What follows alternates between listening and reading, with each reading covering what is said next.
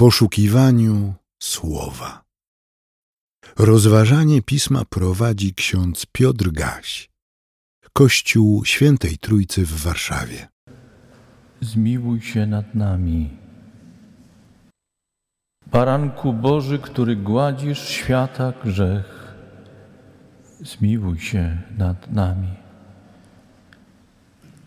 Baranku Boży, który gładzisz świata grzech, daj i nam swój pokój. Amen. W Ewangelii według przekazu Łukasza w 23 rozdziale od 32 wersetu czytamy. Prowadzono także dwóch innych złoczyńców, aby ich z nim stracić. Gdy przyszli na miejsce zwane czaszką, ukrzyżowali tam jego i złoczyńców, jednego po prawej, drugiego po lewej stronie. Wtedy Jezus powiedział: Ojcze, przebacz im, bo nie wiedzą, co czynią. A przy podziale jego szat rzucili losy. Lud stał i się przyglądał. Przywódcy ludu natomiast szydzili i mówili: Innych uratował, niech ocali siebie, jeśli jest on tym wybranym Mesjaszem Boga. Drwili z niego również żołnierze. Podchodzili i podawali mu ocet. Mówili: Jeśli jesteś królem Żydów, uratuj samego siebie. Był też nad nim napis: Ten jest królem Żydów. Jeden z powieszonych złoczyńców urągał mu i mówił: Czy nie ty jesteś Mesjaszem? Ocal siebie samego i nas. W odpowiedzi drugi skarcił go i powiedział: Czy ty się Boga nie boisz? Ponosisz przecież tę samą karę. My, co prawda, sprawiedliwie otrzymujemy to, na co zasłużyliśmy, ten zaś nic złego nie uczynił. I dodał: Jezu, pamiętaj o mnie, gdy wejdziesz do swojego królestwa. Odpowiedział mu: Zapewniam cię, dziś będziesz ze mną w raju. Było już około godziny szóstej i ciemność ogarnęła całą ziemię aż do godziny dziewiątej. Słońce się zaćmiło, a zasłona w świątyni rozdarła się przez środek. Jezus zawołał donośnym głosem: Ojcze, w Twoje ręce powierzam mojego ducha. I po tych słowach oddał ducha.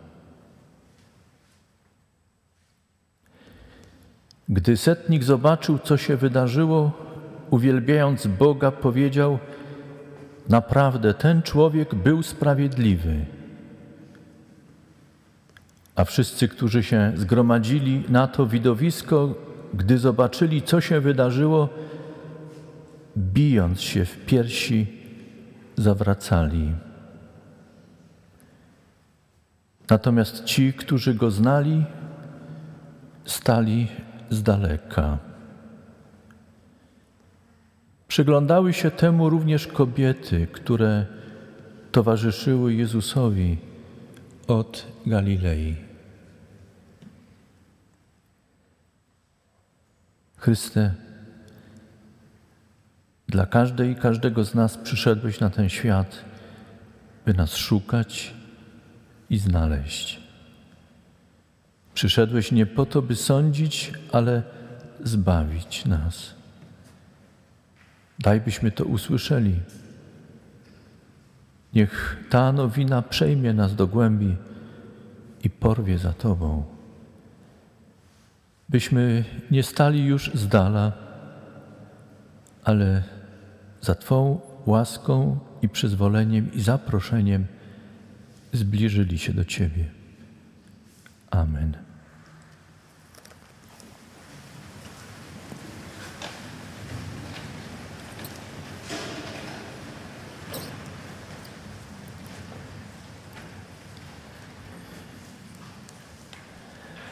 Siostry i bracia w Chrystusie, niedawno w jedną z niedziel pasyjnych rozważaliśmy Ewangelię, która przypominała nam scenę, której bohaterami byli dwaj synowie Zebedeusza, Jakub i Jan i Jezus, a w tle pozostali uczniowie.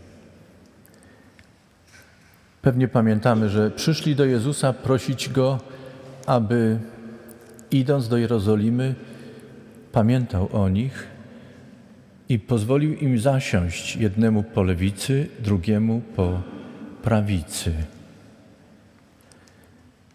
Pamiętamy, że kiedy inni zaobserwowali tę scenę, oburzyli się na synów Zebedeusza, Jakuba i Jana i spierali się pomiędzy sobą, kto jest pierwszy i ważniejszy i kto jest godzien tego, by zająć miejsce po lewicy lub prawicy.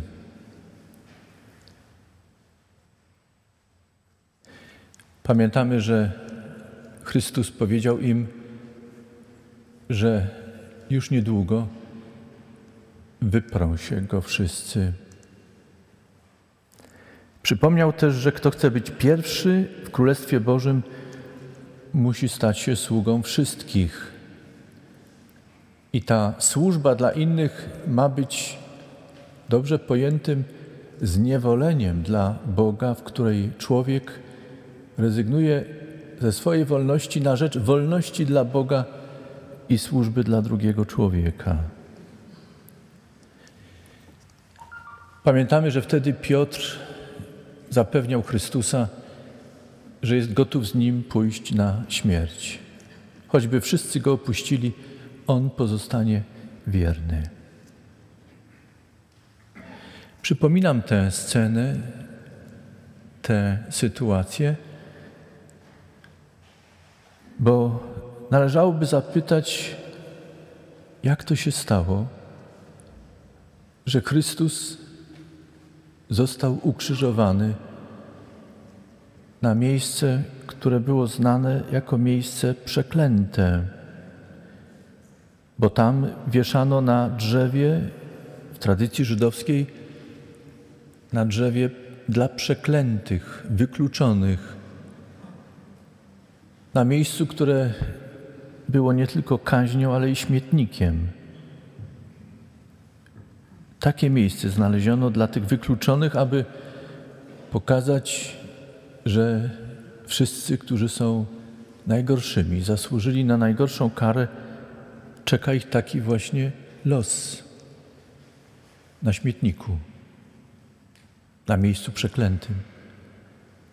Na drzewie, które w tradycji Starego Testamentu zawsze było jednoznaczne nie tylko z przekleństwem, które wypowiada człowiek wobec człowieka, ale także Bóg wobec tego, który zawieszony jest na drzewie. Być może trudno nam to dzisiaj nawet zrozumieć, jak strasznie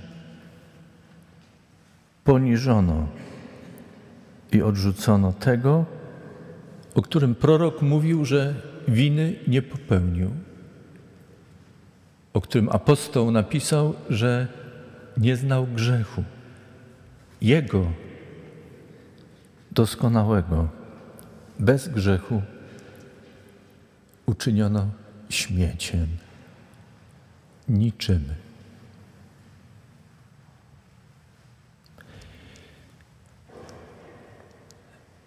Jak to się stało, że po lewicy i prawicy nie ma Jakuba, nie ma Jana,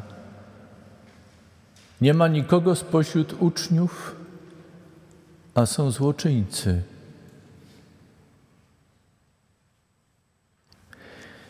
Jak to się stało, że ci, którzy znali pisma i proroctwa, także to, które dzisiaj słyszeliśmy, nie dostrzegli w Nazareńczyku nie tylko, nie tylko króla żydowskiego, ale sługę Pana, Zbawiciela świata. Jak to się stało, że drwili z Niego, szydzili z Niego, nie rozpoznawali w Nim Syna Bożego, Boga, który zniża się do człowieka, by Go szukać, odnaleźć i zbawić. Jak to się stało, że tłum, który witał Chrystusa przy wjeździe do Jerozolimy, witał go pozdrowieniem mesjańskim, dostrzegał w nich, w nim Mesjasza. Teraz nie wiemy, czy wszyscy, ale wielu z nich przyłączyło się do wołania: Ukrzyżuj go. Jak to się stało, że tak okrutne i straszne, straszną scenę wszyscy arcykapłani, faryzeusze, saduceusze, uczeni w piśmie, lud, uczynili widowiskiem. Jakby mało im było patrzeć, to szydzili. Być może sądząc, że szyderstwem ośmieszą nagiego, zawieszonego na krzyżu Golgoty. Ośmieszą go i w ten sposób przezwyciężą w pamięci ludu i ludzkości osobę sługi Pana, Syna Bożego, który stał się człowiekiem, Synem Człowieczym, by zbawić każdą i każdego z nas. Być może sądzili, że szyderstwo to najlepszy sposób, by zwalczyć w ich przekonaniu herezję i błąd. Ale musimy też pytać, jak to się stało, że niewinnego skazano. Ewangelista Łukasz w tym 23 rozdziale wcześniej mówi, że Piłat trzykrotnie, publicznie, powtórzę, trzykrotnie publicznie wysoki urzędnik rzymski stwierdził, że nie znajduje w tym człowieku żadnej winy. Dlaczego więc kazał biczować? Chciał jako doświadczony w polityce, w intrydze, pozbyć się problemów w osobie Chrystusa. Posłał go do Heroda, jak pamiętamy. Herod ucieszył się, kiedy usłyszał, że prowadzą do niego Jezusa, Nazareńczyka, bo wiele o nim słyszał, jak świadczy ewangelista Łukasz i chciał go poznać. Spodziewał się, że wreszcie będzie mógł porozmawiać i zobaczyć coś ciekawego. Ale kiedy stawiał pytania, Chrystus milczał. Jakże wielkie było rozczarowanie Heroda. Wyśmiał Jezusa. Pozwolił na to swoim żołnierzom. A na koniec obrano go, ubrano Jezusa w płaszcz przypominający płaszcz z purpury królewski, a zamiast berła dano mu trzcinę i drwiono z niego. Ciekawe jest to, że ewangelista Łukasz mówi o tym, że Piłat i Herod, którzy byli wrogami, po tym zdarzeniu stali się przyjaciółmi.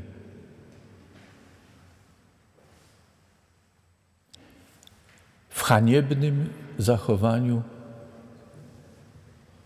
w nikczemnym postępowaniu zbliżyli się do siebie. Jeden drugiemu zaimponował bezprawiem i stali się przyjaciółmi w złu, które popełniali.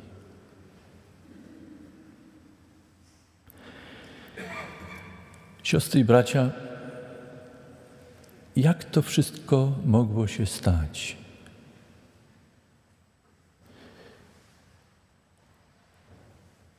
Właściwie trzeba powiedzieć, stało się nie po raz pierwszy. I stało się nie po raz ostatni, że ci, którzy mają pilnować prawa, popełniają bezprawie.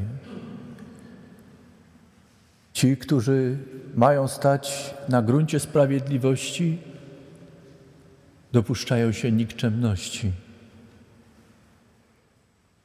Nie po raz pierwszy skazano niewinnego i pewnie nie po raz ostatni.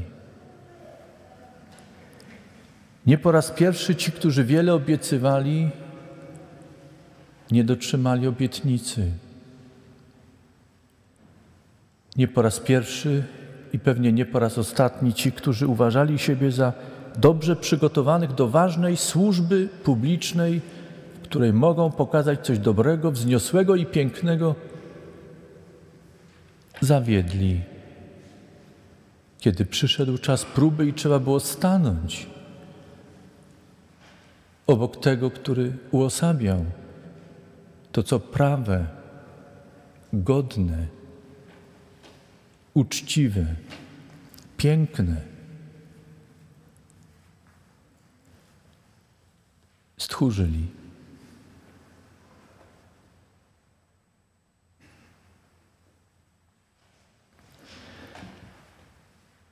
Siostry i bracia, zadziwiające jest to, co pokazuje nam przesłanie Wielkiego Piątku. Ale, ale proszę pamiętajmy, że spotykamy się dzisiaj nie po to, by żyć tylko i wspominać cierpienie, poniżenie, udrękę. To straszne. Ale to nie jest to, co ewangelista chce nam przekazać, bo to nie jest to, co Chrystus chce przekazać światu.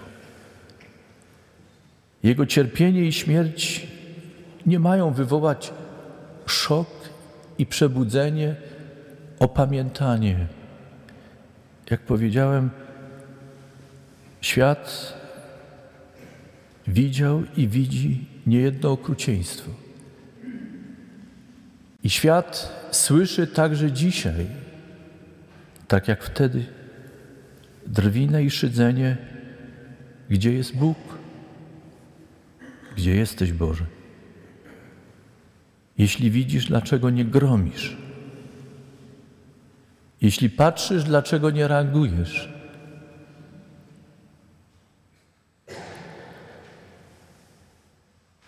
Świat także dzisiaj gorszy się Chrystusem, który wydaje się nadal bezsilny, słaby. Pamiętamy jednak, siostry i bracia, że przesłanie Wielkiego Piątku każe nam szukać w Chrystusie Boga ukrytego, jak mówił Marcin Luther. Bóg przez Chrystusa dał światu znak, że ograniczył samego siebie. I objawia się światu nie w całej swojej potędze i wielkości. Gdyby tak miał się człowiekowi objawić, nikt nie ostałby się. Wszak stawanie przed świętym Bogiem grzeszny człowiek nie może przeżyć, jak czytamy w Piśmie Świętym. Bóg więc ograniczył samego siebie, ukrył się w Chrystusie. Stąpił pomiędzy nas w ludzkim ciele, aby nas ocalić.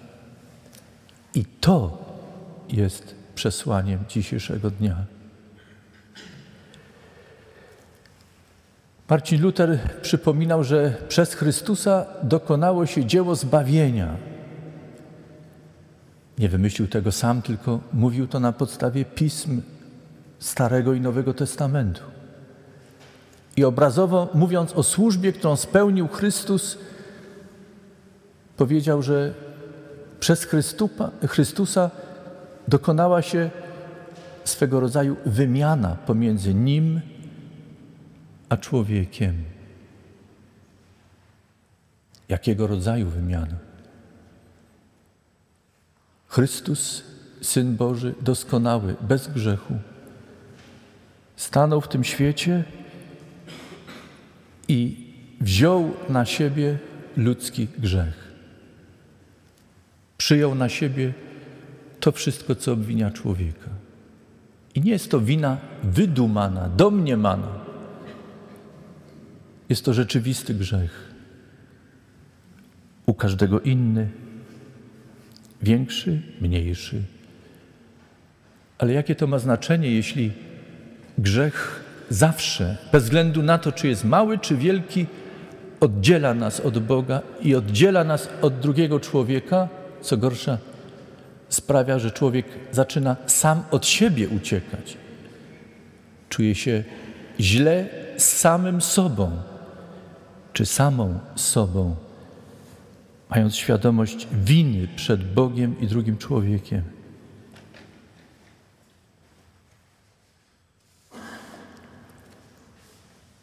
Chrystus wziął wszystko na siebie. Zapłacił za mój i Twój grzech. Tak jak prorok mówi, myślimy, że był opuszczony, także przez Boga, odrzu odrzucony, ale jego wykluczenie, to, że stał się grzechem, stało się naszym ratunkiem. Jego dotknęła kara za nas. I tutaj Luther mówi: On wziął na siebie moje i Twoje przekleństwo, a dał nam swoją sprawiedliwość, swoją doskonałość. Jego ubrano w płaszcz żołnierski, wyszydzano go. Nam Chrystus dał szatę sprawiedliwości, doskonałości. Pojednał nas z Ojcem Niebiańskim i możemy przed Bogiem stawać jako doskonali, ale nie z własną doskonałością, ale tą, w którą Chrystus nas przyodziewa. Bóg nie widzi już nas, grzeszników, ale widzi Chrystusa, który staje przed nami i broni nas, i osłania nas, ratuje nas. Uwaga. Osłania nas nie po to, byśmy nadal grzeszyli. Staje pomiędzy Bogiem a nami i broni nas nie po to, żebyśmy dokonywali podłości, nikczemności. Obrażali Boga, drugiego człowieka i siebie samych, urągając naszej ludzkiej godności.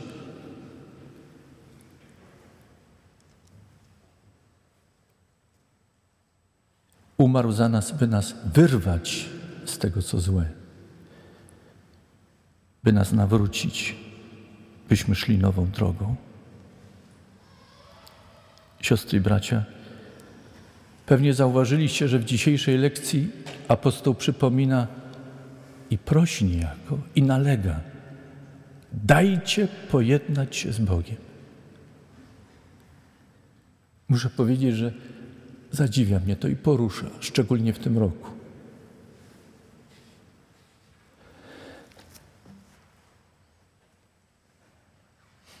Czyżby to oznaczało, że od wieków, od czasów Pawła, potrzebne nam jest przynaglanie i przypominanie: dajcie pojednać się z Bogiem?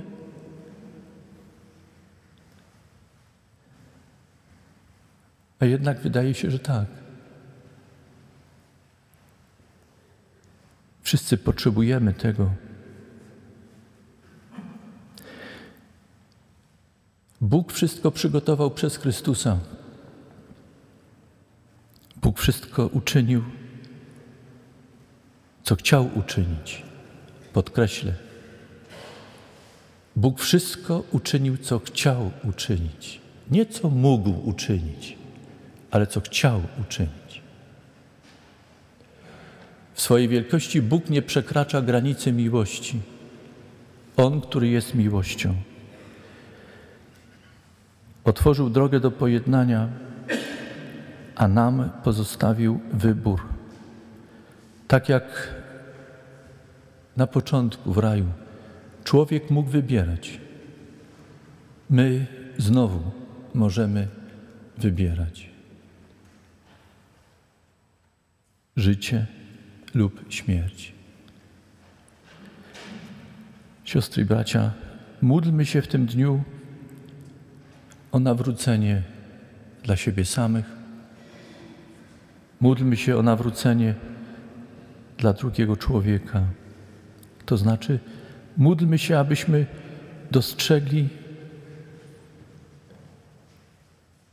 to straszne oblicze grzechu, które jest rozmijęciem się z Bożym powołaniem, jest błądzeniem, jest życiem wbrew Bożej woli wbrew wskazaniom, które wyniszczają ten świat drugiego człowieka i nas samych. Prośmy o nawrócenie. Prośmy o nawrócenie dla tych, którzy w ekstremalny sposób czynią zło, sieją zło.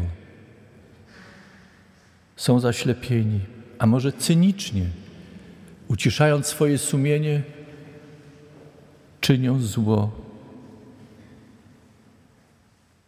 i sprawiają, że tak wielu dziś krzyczy, także czasem złorzecąc Bogu. Bóg chce wszystkich ze sobą pojednać, ale droga do pojednania rozpoczyna się od odpowiedzi na Boże zaproszenie, na Boże wołanie, od wyznania grzechu, pokuty i pójścia za Chrystusem. Niech Bóg Wszechmogący da nam zgromadzonym tutaj, oglądającym, słuchającym. Niech Bóg wszystkim, których gdzieś widzi w tym świecie i szuka w tym świecie, by ich pozyskać, nawrócić, da przejrzenie, upamiętanie,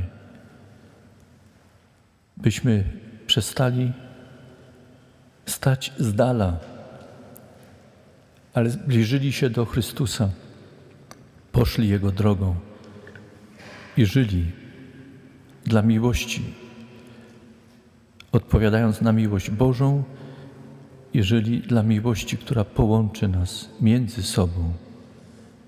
To, co wydaje się niemożliwe, bo tak długo o tym mówimy i czekamy. Pamiętajmy, zawsze jest możliwe w każdym pokoleniu. To, co dziś wybierzemy, będzie naszym wyborem. Ale owoce tego wyboru mogą sprawić, że zostawimy ten świat przynajmniej w stanie niepogorszonym. Nie zostawimy przekleństwa, zranień, podziałów następnemu pokoleniu. Następnemu pokoleniu, które też będzie musiało wybrać, z kim chce żyć, jak chce żyć w tym świecie. Królestwie Bożym każda i każdy odpowiada za siebie. W Królestwie Bożym każda i każdy winien odpowiedzieć na Bożą miłość. Tego nie zrobi mąż za żonę, żona za męża, ojciec za syna czy córkę, matka za syny, syna czy córkę. Każdy za siebie. Czy to źle? Nie. Nie ma nic piękniejszego i wspanialszego, jak doświadczyć Bożego pochwycenia, przemiany i radości pojednania z Bogiem. Mam nadzieję, że zatęsknicie za tym i że dziś w spowiedzi Wieczerzy Pańskiej pojednacie się z Bogiem i między sobą. Za Pawłem powtórzę, dajcie pojednać się z Bogiem. Amen. Więcej materiałów na www.trójcawaw.pl